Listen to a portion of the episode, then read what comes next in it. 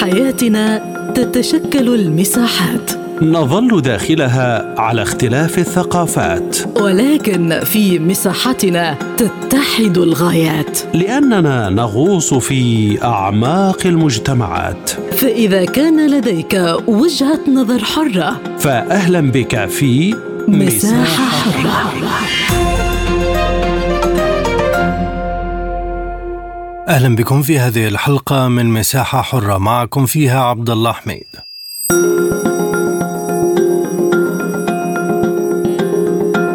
سلاح الجوع. هكذا وصفت الحالة في قطاع غزة خاصة المناطق الشمالية التي انقطعت عنها كل سبل الحياة. فلا خبز ولا مياه ولا أي وسيلة تضمن البقاء على قيد الحياة. تقول منظمات حقوقية إن إسرائيل لجأت إلى استخدام سلاح التجويع ضد سكان قطاع غزة في وقت يقف فيه العالم دون حسيب. ففي حين يهدر العالم نحو مليار ونصف المليار طن من الطعام سنويا يقضي الأطفال والنساء والشيوخ في غزة اياما متواصلة دون كسرة خبز واحدة. هذا الوضع فاقمه عجز دولي حتى على مستوى مجلس الأمن الدولي بفرض ايصال الغذاء والماء والدواء. لسكان غزة. برنامج الأغذية العالمي أوقف مؤقتا تسليم المساعدات الغذائية إلى شمال غزة مشيرا إلى الفوضى الكاملة والعنف بسبب انهيار النظام الأمني. وتقول الوكالة إن القرار لم يتخذ باستخفاف وأن أطقم العمل واجهت حشودا وإطلاق نار ونهبا في ظل تحذيرات من الأمم المتحدة من مجاعة تلوح في الأفق في الشمال منذ ديسمبر الماضي. في هذا الموضوع تنضم إلينا من القاهرة مدير الإعلام في وكالة يونروا بقطاع غزة الأستاذة إيناس حمدان. أهلا بك سيدتي. كيف يمكن وصف أزمة الغذاء في غزة؟ إيه، أهلا بك وشكرا للاستضافة. إيه، طبعا الأوضاع الإنسانية كارثية صعبة للغاية. أوضاع فيما يتعلق بالتوفر المواد الغذائية هناك شح كبير جدا في المساعدات الغذائية تحديدا. يعني أغلب النازحين في جميع انحاء قطاع غزة يعانون من عدم توفر المواد الأساسية آه، اللازمة للأمور التي المواد التي يستخدمونها بشكل يومي. الطحين الأرز طبعا تزداد الأمور آه، تعقيدا في منطقة غزة والشمال حيث تكاد لا تكون متوفرة. لدينا طفل من بين ستة أطفال يعانون من نقص حاد في الغذاء. يعني هناك آه، كادنا نقترب من انعدام في الامن الغذائي أو مستويات حادة من من عدم توفر هذه المواد الأساسية. برأيك من المتسبب؟ في تفاقم هذه الأزمة؟ نحن لا نزال يعني في غزة النازحون السكان بشكل عام لا يزالون يشهدون حرب طاحنة، هناك يعني أصلا صعوبه في الوصول وصول الطواقم الإنسانية والعاملين في المجال الإنساني. لا يستطيعون الوصول إلى جميع المناطق بشكل دوري وبشكل منتظم وحتى إن استطاعوا الوصول لا نتمكن من إيصال الكميات المناسبه مثلا في منطقة غزة والشمال لا نستطيع بشكل نحن مثلا في الأونروا على سبيل المثال لا نستطيع الوصول الوصول بشكل منتظم هناك. يعني من اصل 35 بعثة تم تم الطلب من من جهتنا حتى نستطيع الحصول على التصاريح الامنيه اللازمه من السلطات الإسرائيلية. لم نتمكن إلا من إرسال عشر قوافل آه، محملة بالمواد الغذائية وهذا لا يكفي للحاجات الملحة الغير مسبوقة لهؤلاء النازحين في منطقة غزة والشمال، الأوضاع أفضل حالا إلى حد ما في الوسط في مناطق الوسطى والمناطق الجنوبية من قطاع غزة ولكن لا يزال النقص الحاد في المواد الغذائية موجود. وهناك يعني نتحدث عن يعني شبه مجاعه يعني يلوح في الأفق في قطاع غزة بشكل عام، لا ننسى أيضا أن أعداد الشاحنات التي كانت تدخل إلى قطاع غزة ما قبل الحرب كانت تدخل 500 شاحنة بشكل يومي إلى القطاع حاليا وفي أفضل الأحوال لا تدخل أكثر من مثلا 98 أو أقل يعني لا يدخل أقل لا يدخل شاحنات كافية تكفي للحاجات الملحة للسكان سواء في الجنوب الوسطى أو في شمال قطاع غزة. وبالتالي هناك يعني نقص حاد في المواد الغذائية. يعني هذه هي الأسباب الأساسية. ومتى وصلت آخر شحنة مساعدات إلى المناطق الشمالية؟ نحن يعني إحنا في الأونروا آه، منذ أكثر من ثلاثة أسابيع لربما. نعاني آه، جدا من تنفيذ أي مهمة إيصال قوافل المساعدة الإنسانية إلى مناطق الشمال. نظرا للمعيقات في الحصول على التصريح وأيضا صعوبة الظروف صعوبة الظروف الأمنية في تلك المناطق. المناطق الشمالية مناطق غزة والشمال تعتبر مناطق معزولة. فنحن نتحدث عن يعني فترة طويلة لم نستطع خلالها إيصال مساعدات غذائية إلى تلك المناطق. وبشكل عام هناك يعني انخفاض أصلا في نسبة ما يصل من مساعدات غذائية. نحن نتحدث عن نسبة تقريبا 50% مقارنة بالشهر الماضي مثلا في فبراير. هناك نسبة تصل إلى 50% انخفاض في كميات المساعدات الغذائية التي تصل إلى قطاع غزة أصلا. هل يمكن القول أن الأمن الغذائي في شمال غزة تدمر كليا؟ يعني نحن على شفا مجاعة أصلا في منطقة شمال غزة. يعني كما ترون في وسائل الإعلام والفيديوهات التي تظهر من هناك. يعني هناك شبه انعدام في المواد الأساسية نحن نتحدث عن طحين عن أرز عن خبز لا يكاد موجود. يعني الحصول حصول العائلة على رغيف خبز أصبح من أكبر التحديات لأنه أصلا لا يوجد طحين كافي في في تلك المناطق. فبالتالي هناك فعلا إشكالية كبيرة جدا في توفر المواد الغذائية. نقص حاد يعني وصل إلى مستويات فعلا كبيرة لم نشهدها منذ منذ زمن كبير. سيدة إيناس يعني الناس تأكل طعام الحيوانات وحتى ذلك يعني أصبح مستحيلا مع نفاده كيف يتصرف الناس في هذه المناطق؟ يحاول جميع الناس الحصول على ما يستطيعون الحصول عليه من أي مسا... من أي مواد غذائية متواجدة ولكن الأوضاع فعلا مقلقة جدا وصلت ل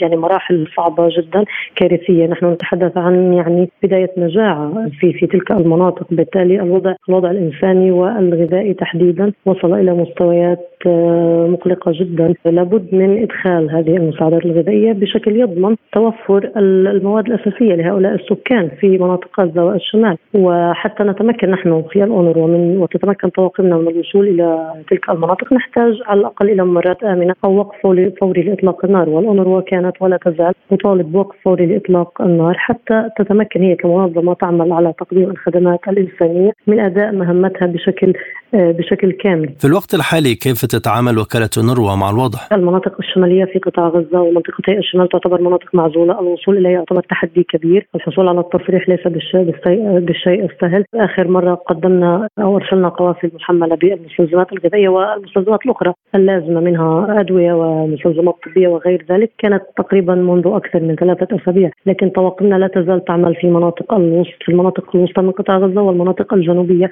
على الرغم من التحديات التي تواجهنا. التواصل مع أفراد الفرق التابعة للاونروا ليس بالأمر السهل. نظرا لتكرار انقطاع الاتصال على سبيل المثال. الطرق أيضا أغلبها مدمرة والحركات تكاد تكون صعبة في المناطق حتى التي لا تزال طواقمنا تعمل بها. يعني نحن في الاونروا في مناطق الجنوب والوسط. لا نزال نقدم الطرود الغذائية لا نزال نوزع الطحين لا نزال نقدم الخدمات الصحية الأخرى واللوجستية لا نزال نقدم الأدوية للسكان الذين آه، يترددون على عيادات العيادات التي تتبع لوكاله غوث وتشغيل اللاجئين. ولكن ورغم من ذلك كله هناك تحدي أصلا في إيصال هذه المساعدات وهناك أساسا نقص في كميات المساعدات والشاحنات التي تدخل إلى قطاع غزة. كما ذكرت لك يعني لا يتعدى عدد الشاحنات التي تدخل يوميا إلى 100 شاحنة في أفضل الأحوال. وبالتالي هذا غير كافي للحاجات الملحة. لا تنسى أن رفح وحدها المدينة الواقعة إلى جنوب قطاع غزة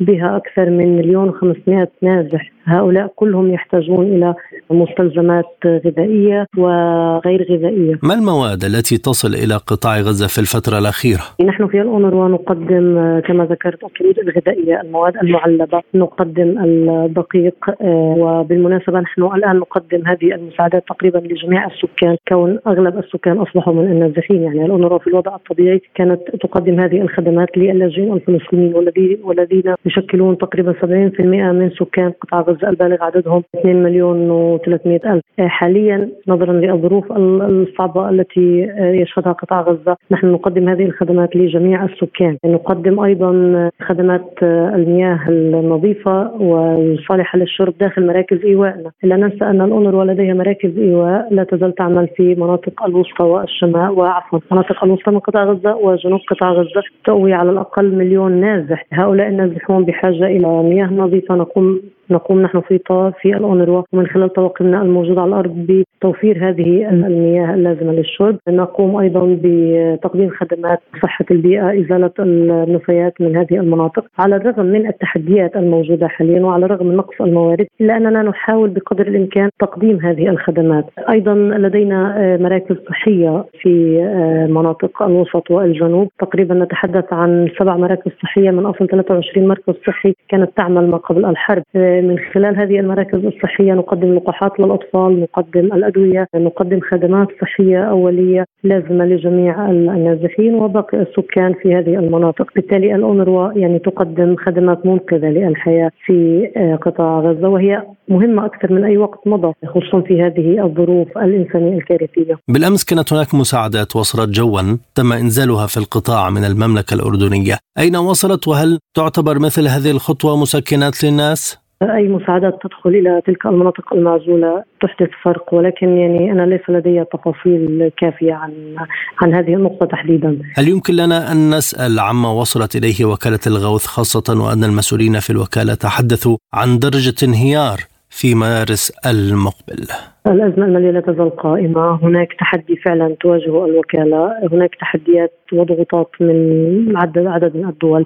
حتى هذه اللحظة نتحدث عن 16 دولة بالفعل جمدت التمويل أو علقت التمويل المقدم للأونروا. هذا تسبب بخلق أزمة مالية. تقريبا نتحدث عن 440 مليون دولار. كان من المفروض طبعا أن تضخ في ميزانية الأونروا لهذا العام ولكن بسبب الادعاءات التي وجهت لعدد بسيط من موظفي الأونروا منذ شهر تقريبا قامت هذه الدول على اثر هذه الادعاءات التي لا تزال في طور الادعاءات والاتهامات قامت بتعليق هذا الدعم. يعني هذا أثر بشكل سلبي جدا على الوضع بشكل عام في الأونروا وتحديدا حتى في قطاع غزة في المنطقة منطقة قطاع غزة التي هي ضمن المناطق الخمسة التي تعمل بها الأونروا يعني الأونروا بحاجة للدعم بحاجة للتعزيز التعزيز اللازم لدورها في هذه الفترة أكثر من أي وقت مضى نظرا لصعوبة صعوبة الأوضاع الإنسانية والمعيشية تحديدا للسكان في قطاع غزة واللاجئين في قطاع غزة. بالتالي الآثار كانت مدمرة كارثية لتعليق هذا الدعم ونأمل في الفترات القادمة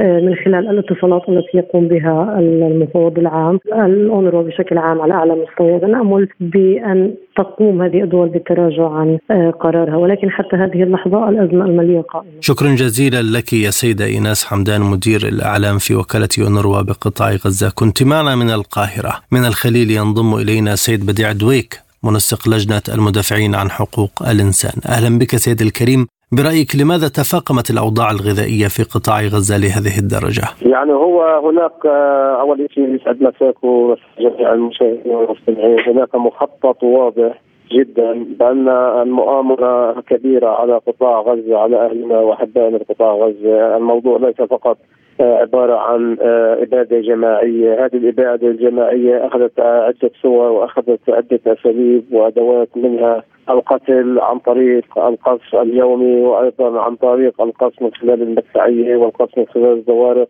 على السواحل بالإضافة إلى آه، فرض مجاعة على سكان غزة وزادت هذه المجاعة ضراوة عندما حاولت إسرائيل الضغط على المقاومة من خلال الضغط على الناس وتجويعهم أن هناك تقريبا 600 ألف يتهدى دخلوا في مرحلة المجاعة الحقيقية. نحن نتكلم عن منطقة شمال غزة. هذه المنطقة شمال قطاع غزة هي فعلا في حالة مجاعة حقيقية. حقيقيه وهناك أيضا المناطق في دير البلح ومناطق رفح. هناك أيضا آه، شبح المجاعة يلوح بالأفق على العائلات الفلسطينية. وقد رأينا كيف كان حالة الشعب أو السكان عندما آه، كانت تدخل بعض القوافل يعني صدفة من خلال رفح. كيف كان هناك العدد الهائل من الناس الذين يتهافتون لأخذ حاجتهم وباليكاد أن يحصلوا شيء آه، من هذه المساعدات التي هي شحيحة.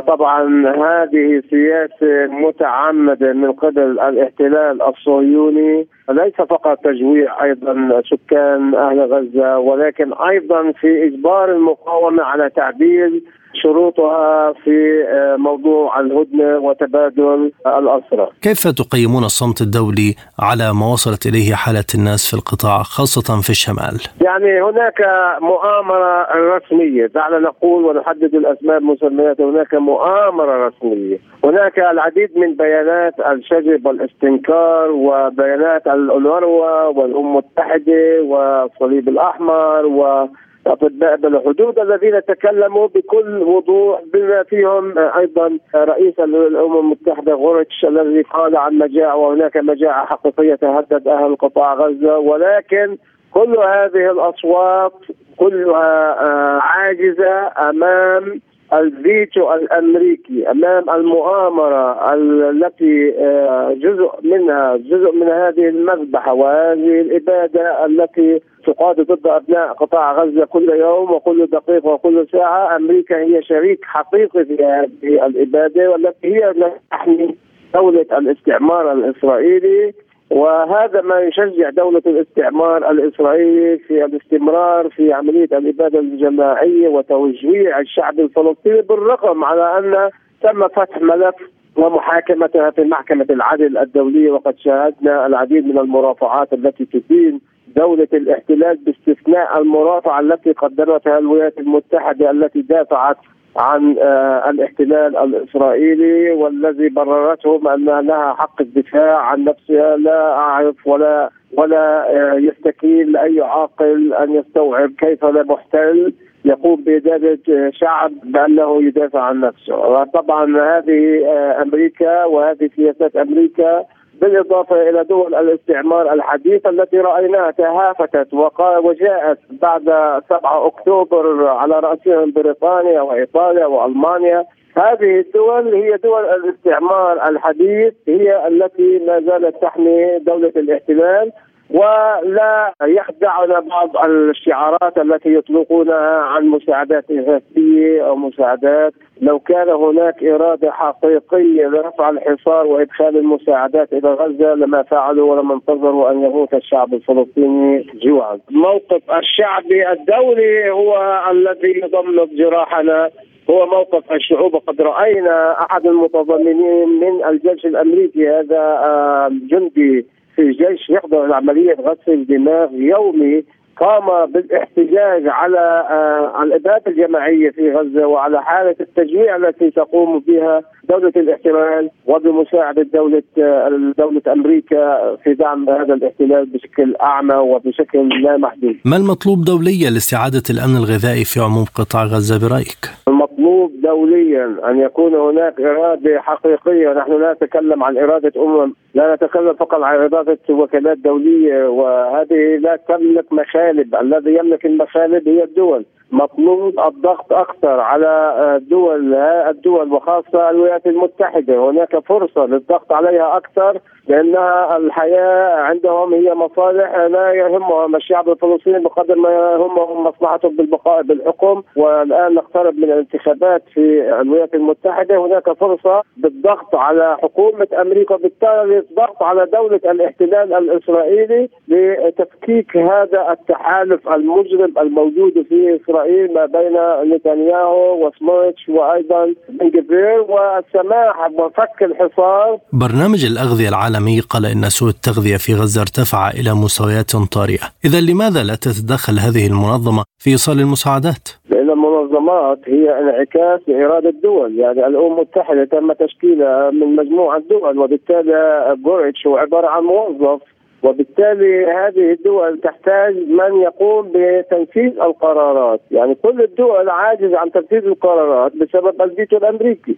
المطلوب أن يكون هناك آه، سياسة أمريكية آه، تقول أقل يعني لا اريد أن أقول منحازة كلية للحق الفلسطيني. على الأقل أن تكون هذه السياسة أكثر عدالة آه، بالإضافة إلى الدول الأخرى. ولكن للأسف السياسات مبنية على المصالح. إذا لم تهدد المصالح الأمريكية من قبل العرب الذين ما زالوا يقوموا بالشراكه وأيضا تبادل التجاري والصناعي وغيرها وشراء الأسلحة من الولايات المتحدة بدون الترويح بأي خطوة من قبل العرب أو حتى الدول الإسلامية حتى ملفات التطبيع حتى يعني للأسف في حين نرى أن جندي أمريكي من الجيش الامريكي يقوم بحرب نفسه احتجاجا على المجال وعلى الإعداد الجماعية في أمريكا. نرى ما زال هناك بعض العرب الذين مصرين على التطبيع والاستمرار في عملية التطبيع وفتح سفاراتهم لدولة الاحتلال، لم نرى أي دولة عربية أو مسلمة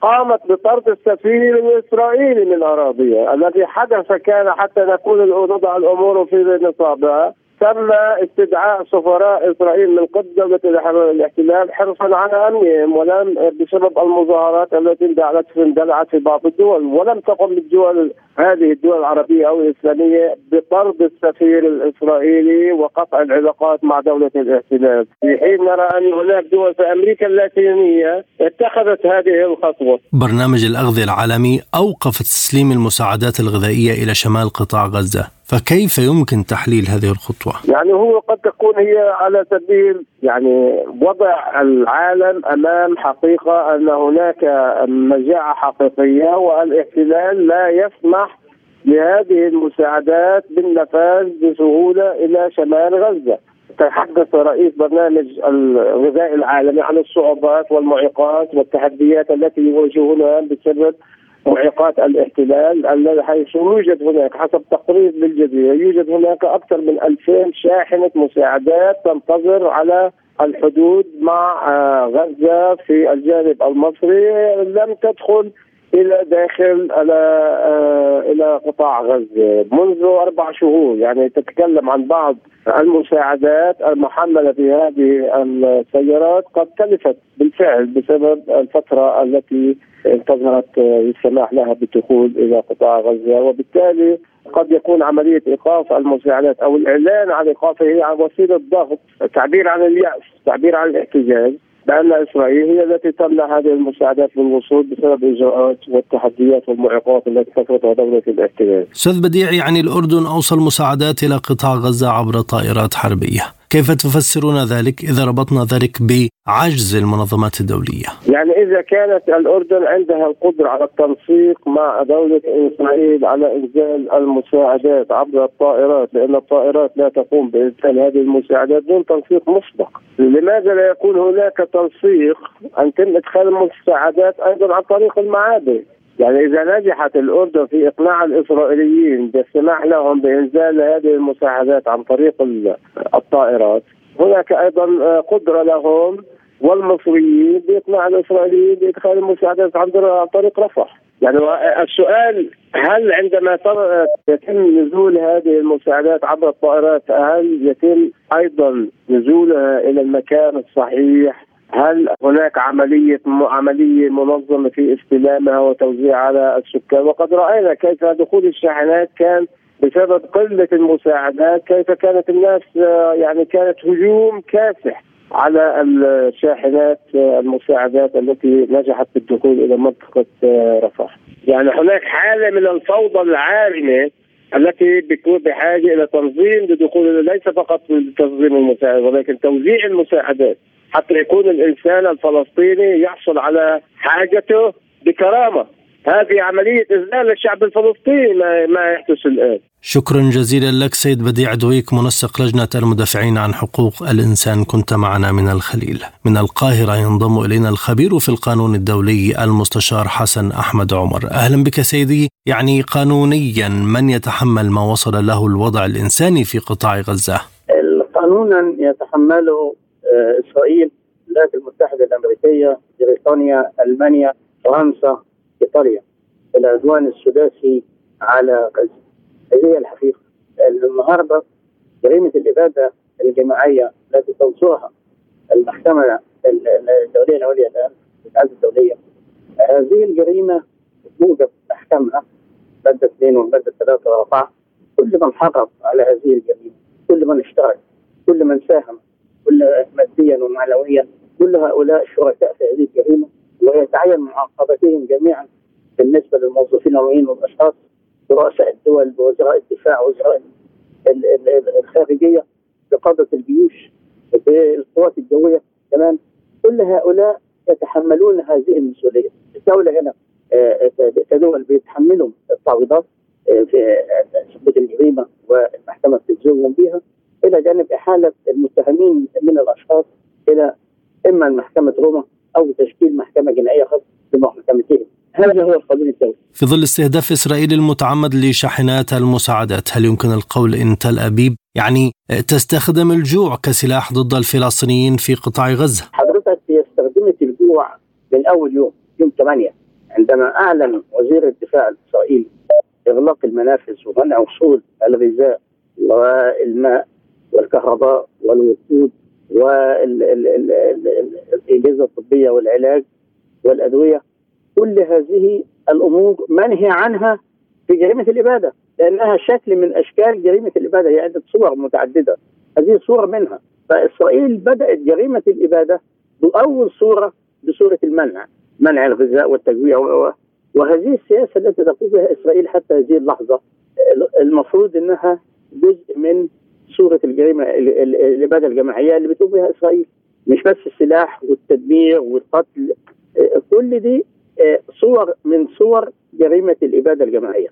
دي واحدة منها وواحدة مهمة وبدأت مع أول يوم من يوم المعركة. هذا الجوع الذي حل بكل السكان ووصل إلى درجات قاسية في الشمال. ألا يعتبر جريمة حرب؟ هو جريمة إبادة وجريمة حرب. الأربع جرائم الهامة التي عرفتها البشرية الآن وضمتها اتفاقية روما في المحكمه الجنائية الجنائيه الجنائية الدولية وكانت من قبل في القانون الدولي الإنساني واتفاقية جنيف الرابعة. الاربع جرائم الأساسية إسرائيل ارتكبتهم في هذه المعركة هي ومن معها من حلفاء. فهي ارتكبت جريمة جرائم الحرب جريمه الحرب هي ارتكبت آه، جريمة ال- العدوان. هي ارتكبت جريمة ال- ال- ال- الجينوسايد. الاباده الجماعية وجرائم ضد الإنسانية. كل هذه الجرائم مرتكبة صورة صورة وفعل فعل. ونعتقد الآن جنوب أفريقيا عندما وصلت إليها مذكرة إسرائيل ردا للمحكمة بناء على طلب المحكمة التدابير التي اتخذتها بناء على التدابير الستة اللي أعلنتهم المحكمة وألزمت بها إسرائيل آه، وقدمت هي امبارح المذكرة بتاعتها والمحكمة اعتبرتها سرية وارسلت بها لجنوب أفريقيا أعتقد جنوب أفريقيا سترد على كل هذه المغالطات الواردة في هذه المذكرة وإحنا عارفين إيه اللي بتتضمنه. إسرائيل مخادعة. ولماذا لم تتخذ محكمة العدل الدولية؟ إجراءات ضد إسرائيل استنادا للوضع الإنساني وانتظرت التقرير الإسرائيلي الذي أفاد بأن إسرائيل لم تقم بأي جرائم إبادة دعني أصحح الوضع. المحكمة اتخذت يوم 26 التدابير المؤقتة اللي اتخذتها ست إجراءات طلبتها منها. هذه التدابير المؤقتة مش مستنية ده بتقول لها اديني اديتك شهر عشان تقول لي عملت إيه في هذه التدابير. إنما المشكلة إن اللي إحنا مش فاهمينه هذه التدابير المؤقتة لا تلزم إسرائيل فحسب وإنما تلزم جميع الدول الموقعة على اتفاقية جماعة جريمة الإبادة منع جريمة الإبادة والمعاقبة عليها. كل من وقع على هذه الاتفاقية هو ملزم بتنفيذ هذه التدابير مش إسرائيل لوحدها ويلزم إسرائيل بها ولذلك عندنا المفروض كان هيتم إرسال التدابير إلى مجلس الأمن. الجزائر ذهبت لمجلس الأمن وخدت التدابير وطلبت وقف إطلاق النار ووقف وتنفيذ هذه التدابير. الولايات المتحدة الأمريكية استخدمت حق الفيتو. حق الفيتو الذي استخدمته أمريكا هنا يجعل من مندوبة الولايات المتحدة الأمريكية شخصيا. بصفتها مندوبة ممثلة للحكومة الأمريكية في مجلس الأمن مندوبة أمريكا انها مشاركه في جريمة الإبادة البشرية جماعيه جريمة الإبادة الجماعية ضد غزة. ده, ده واضح والناس مش قادرة تستوعبه. أنت في مجلس الأمن أنا بجتمع مجلس الأمن لاشوف إيه اللي يهدد السلم والأمن الدولي ولي إجراءات نصت عليها مادتين 41 و 42 من ميثاق الأمم المتحدة وهي بنسميها تدابير المنع وتدابير القمع. تدابير المنع انت عايز تمنع الجريمة فتتخذ بعض التدابير منها قطع العلاقات الدبلوماسية، فرض حصار اقتصادي، دوله منبوذه وسط العالم، وقف العلاقات التجارية معاها، البيع والشراء، كل ده يقوم به مجلس الأمن في التدابير المطلوبة منه. التدابير دي بموجب المادتين 41 42 يقال إنه يجوز للمجلس أن يتخذ هذه التدابير. إنما لما يكون الأمر صادر من محكمة العدل الدولية بتدابير هنا بقت إلزام على مجلس الأمن إن هذه التدابير اللي اتخذتها المحكمة أنت نفذها كمجلس أمن ولو بالقوة تحت البند السابع لو لزم الأمر. شكرا جزيلا لك المستشار حسن أحمد عمر الخبير في القانون الدولي كنت معنا من القاهرة. كما نشكركم على طيب المتابعة إلى اللقاء.